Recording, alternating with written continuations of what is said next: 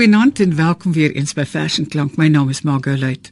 Vanaand gaan ons kyk na 'n bundel van Willem Krog. Die bundel het by 'n hond verskyn en ek het vir Daniel Hugo gevra om dit vir ons te kom lees en met ons te praat oor sommige van die gedigte. Baie welkom Daniel. Baie dankie Margot. Die bundel se titel is Assignaat. Wat Ja. beteken dit? Sover ek kon vasstel, is dit 'n regsterm en letterlik beteken dit die aangewyde, maar dan in, in die regsterme die gevolmagtigde, die regverkrygende en daar's ook 'n wisselvorm assigné. En in hierdie bundel lyk dit my asof die assignaat slaan op die digter self natuurlik, maar as lid dan van die Afrikaner volk wat aangewys is as die skuldiges in die vorige era en so beweeg mens dan van aangewyde na uitgewyde na beskuldigde.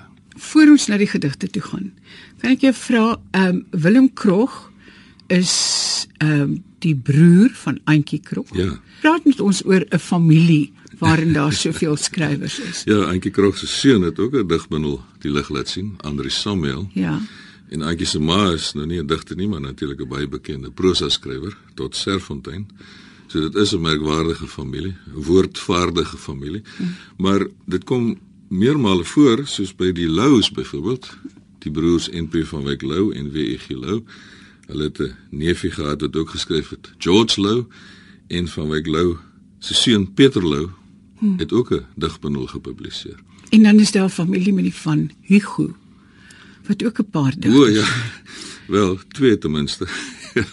ek en my broer. Daar's nog die geval van uh, die Keets.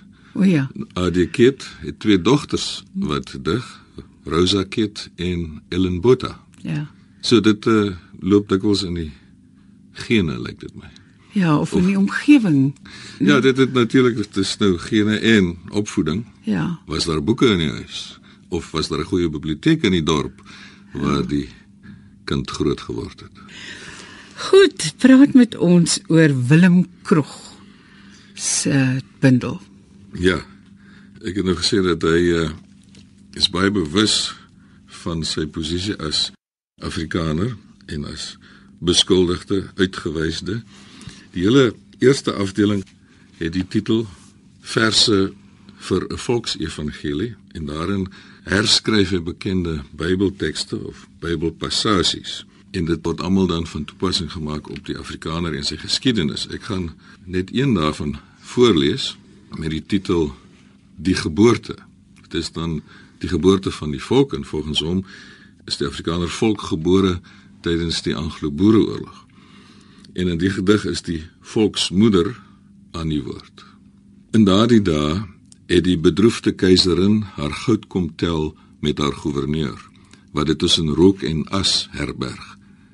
Terwyl haar Oratio se leerskare my herders in doringdraad donkers verstrengel. In daardie nag baar ek alleenig in my kinkoes kambed en lê ek jou in 'n maselkrib neer tussen kinderlyfies wat middeloos in keelsnoere van glasstukke in die grond uitbloei en ek na iets swarts soek om te haat. Drie wyse manne bring hulde met woordeskatte van vlaktes, winternagte en ooms wat vertel. En vir ewig as 'n graf in die gras en 'n vallende traan speel ek in die komedie mee, geblinddoek met 'n lam verlap in 'n seepkussie as doodskus bestem vir jou. Sjoe. Nou daardie drie wyse manne is die drie eerste Afrikaanse digters, Jan Silje met sy bekende gedig Die vlakte, Jean Marais met sy Winternag en Celoy Leipold met Oom Gert vertel. Ek is verstom oor die laaste versreel in die tweede strofe. Ja, ek eh, ek is ook 'n bietjie verbaas daaroor en ek is nie heeltemal seker wat dit beteken nie. En ek soek na iets swarts om te haat. Nou die swart slaan natuurlik op die laamverlap wat uit Eugene Marais se Skoppensboer kom. 'n Laamver is swart, maar om te haat, dit verstaan ek nie mooi nie. Ja. Nou, om daarom net te wys dat dit sekerlik nie om rassehaat hier gaan nie, kan ek die volgende gedig lees. 'n gedig vir Mapetla waarin die digter vertel van sy kinderdae op die plaas daar in die Vrystaat in die distrik van Kroonstad waar hy groot geword het. 'n Gedig vir Mapetla. Ek onthou jou saam met die reuk van die lahaba wat ons uit die grond pik en dan bitter op ons tong laat lê. Ek onthou jou saam met 'n waierplant se blaarslierte wat ons in 'n armband om ons polse vryf. Ek onthou jou saam met tulpe in die spruit wat ons in swepe vleg en vir die honde klap.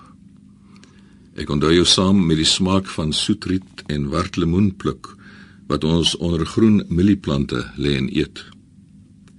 Ek onthou jou kaalvoete in die stof as ons die beste gaan haal wat jy elke aand moes melk.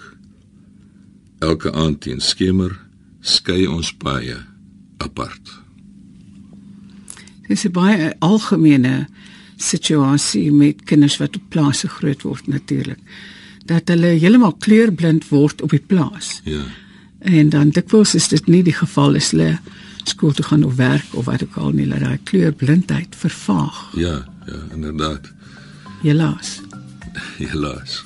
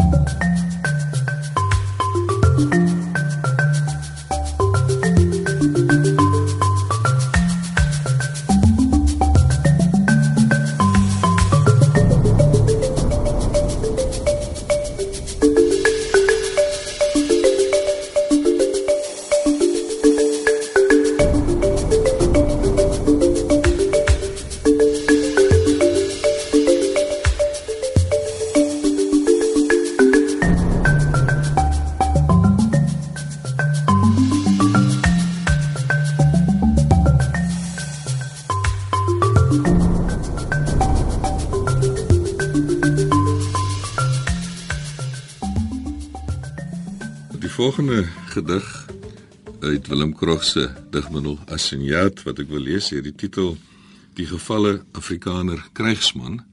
Dit kom uit die tweede afdeling van die bundel en dit is eintlik 'n toespeling op 'n baie bekende gedig van CM van den Neever, Die gevalle Zulu Induna. Miskien moet ek eers van 'n Neever se gedig lees en dan Krog se herskrywing daarvan. Ja, asseblief. Die gevalle Zulu Induna CM van den Heever. Jou lyf die glim soos koper op die veld en grassaad buig oor jou hul môre dou. Hier waar jy slaap, jou laaste slaap. Jou spierwit pluime sidder nog net of jy veg, maar langs jou lê 'n bloedstroom wat weggesink het in die sand. Jou hand lê willoos slap en asfaal langs die vlamskerp as 'n gaai. Jou koning in Umkunkun Glovo sal wag vir jou. Sy hand sal oor sy oë rus wat ver weg dwaal tot by die blou waar jy gaan veg het. Hy sal vir die gedreun van voete wag, gekletter van die skild, verwit om kwaste bene en gedans op ruiend kwaai en wild. Die bulte sal jou roep en eensaam sal 'n Zulu vrou saans by haar vuur gaan wag stil starend tot die nuwe dag. Die son wat vuur maak oor die botte sal wagters wek. 'n Lied sal klink die klowe deur, die sagte môre teen, en almal sal weer lag en lewe al is jy heen. As die Andunas weer gaan veg, die botte lewe van hul wilde dans, die skilde kletter en as 'n gaie blits hoog in die son, dan slaap jy nog. Dan slaap jy diep jou vere wyd verstrooi deur son en reën. Jou lyf wat sag geglim het, net soos koper, dan weg. En jy? Die grassaad sal nog buig, die beste bulk, die lewe roep. Maar jy? hier waar jy was, sal skape wy. Dis 'n pragtige gedig en jy het dit so mooi gelees, Daniel. Baie dankie man. Dan Willem Krog, die gevalle Afrikaner krygsman en hier teleskopeer hy twee historiese gebeurtenisse, twee oorloë, die Anglo-Boereoorlog en die Grensoorlog. Was natuurlik ook genoem die Namibiese oorlog. In die skadu van 'n ratel rus my perd met sy kop teen die grond. Lê ek plat met my boshoed oor my oë die republikeinse grondwet op my bors. Praat hulle oor brug 14 of Sanaspos oor Paardeberg en Kwetu Kwanavale. Maar hulle teken my net weg. Een teken my vryheid van onderdrukking weg. Ander teken my onderdrukking van vryheid weg. My agterplaas geplunder en verbrand. My vrou is swygend blik, stil starend op die kindergraf na Londen gestuur. My bure geëmigreer na Argentinië of Australië. En dan slaap ek nog. Dan slaap ek diep en almal lag en lewe al is ek heen. En die boute lewe van die wilde dans van die Zulu Induna uit Nkandla. Sy voete dreun sang. Sy wit pluime wapper as die luiperdvel oor sy skouers tuimel. Sy assegaai lem blink terwyl die knopkierie ritmies op die skildveld trom. As hy Umshini Wami vir sy impi voorsing.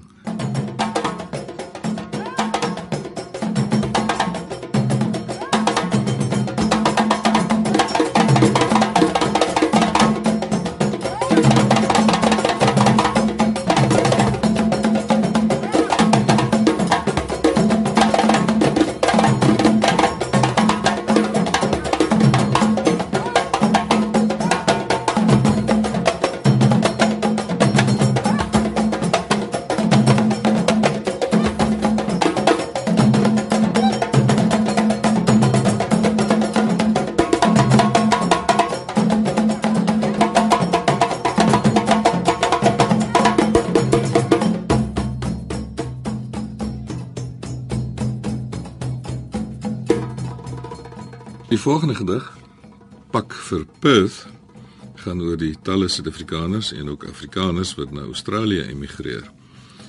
En uh, in die eerste strofe praat hy oor homself en in die tweede strofe dan oor die immigrant, die jy.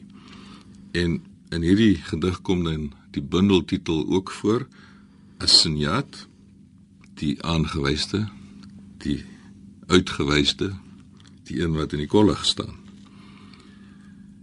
Ek vind myself moerig vir Afrika. Sy taksies, sy vullis, sy stakings, sy steelery, sy stadigheid, sy onkunde, sy geduld, sy vergifnis wat ritmies timmer aan my weefsel as dit my heel maak of seer maak as dit my vorm of verinneweer my stilweg reduseer tot asinjat jy pak op vir die geïsoleerde kontinent, want jy mis Afrika. Sy oop paaie, sy parke, sy ordelikheid, sy dienste, sy pols, sy deurbrake, sy onverdraagsaamheid, sy toerekenbaarheid. Jy verkies die reëls van eendersheid in perfekte woonbuurtes, op perfekte paaie, in perfekte ruimtes, op perfekte draaie, perfek in 'n spierwitte droom. Willem Krog het dus duidelik gekies om in Suid-Afrika te bly, want Suid-Afrika is nog altyd te veel interessanter land as Australië, waar almal so wetsgehoorsaam is. Hmm. En een van die redes waarom hy hier bly is omdat sy hele verlede hier lê, sy jeug en dan spesifiek op die plaas in die Vrystaat. En hier is 'n pragtige gedig. Dit is nostalgies maar ook satiries. Dit spot 'n bietjie met sy verlede. Sondag familieete. Die karre staan bont. Onder kareboom koeltes wemel die werf van tannies in geblomde rokke. Mier kinders in groepe bymekaar onder 'n wolk van die reuk van kos. Op die stoep sit die ou mense, kromvingers om houtkieries wat my vaagweg bekend groet in knikkende koppe. agter wasige brilglase hang soos 'n magneetveld in die lug die reuk van kos. Warm gestoomde vrouens kom kort kort buite toe met swetende oksels en souslepels terwyl ek koers kry na die fonteindam om tussen die vyebome my voete in die koel water te week onder die reuk van kos. Die koperklokkie roep almal na die eetkamer, donker in hout, waar hoofde nederig buig en hande vat. Seën die offer wat ons sedig op die sideboard bring aan die wat minder as ons bevoorreg is sonder die reuk van kos. Onder die kareebome gaan ek lê na afloop van die ete terwyl my lewer kreun en die groot ooms begin praat oor hoe swaar dit is om te boer. Dis 'n baie goeie gedig. Ja. Lekker gedig. Ja, ek hou ook daarvan. Die droom uit Willem Krog se bundel Asenjaat gaan oor 'n gewigstoter. En hierdie gedig bevat 'n enkele verwysing na baie bekende Afrikaanse gedig, Erns van Heerden se Die gewig opteller. Maar ek gaan eers Krog se gedig lees. Die droom. Die voet aan die sirkel se binnekant. Die balans op die regterbeen. Die gewig in 'n wolk wit bordkruit rus tussen vingers in die nek. Stadig buig die rug vooroor soos die linkerbeen intrek. Hang die linkerhand slap 'n paar duim bo die grond, die middelvinger 'n enkel fladder op wag. Dan skielik skop die linkervoet agteruit en gly die regter saam, ontplof die regterheup die torso omhoog as die regterarm die eysterbal in die lug kanon en die vingers dit blitsnel tot 'n projektiel streel. Dit trek en trek 'n dagreis ver. Die woord blitsnel lê natuurlik die skakel met Ernst van Heerden se gedig die gewigopteller wat so gaan. Die taai klou van die grond vermenigvuldig elke pond. Die rooi vlegsel van die spier is triomfantelik 'n dier wat met een kap blitsnel die swaartepunt verstel. Willem Krog skyn te weet waarvan hy praat. Ja, hy was waarskynlik self 'n gewigstoter. Ek het hom al een of twee keer in lewende lywe gesien en hy het die lyf van 'n sterk atleet, ja. Die laaste gedig uit Willem Krog se bundel is 'n liefdesgedig. Die patetiek van aanraking.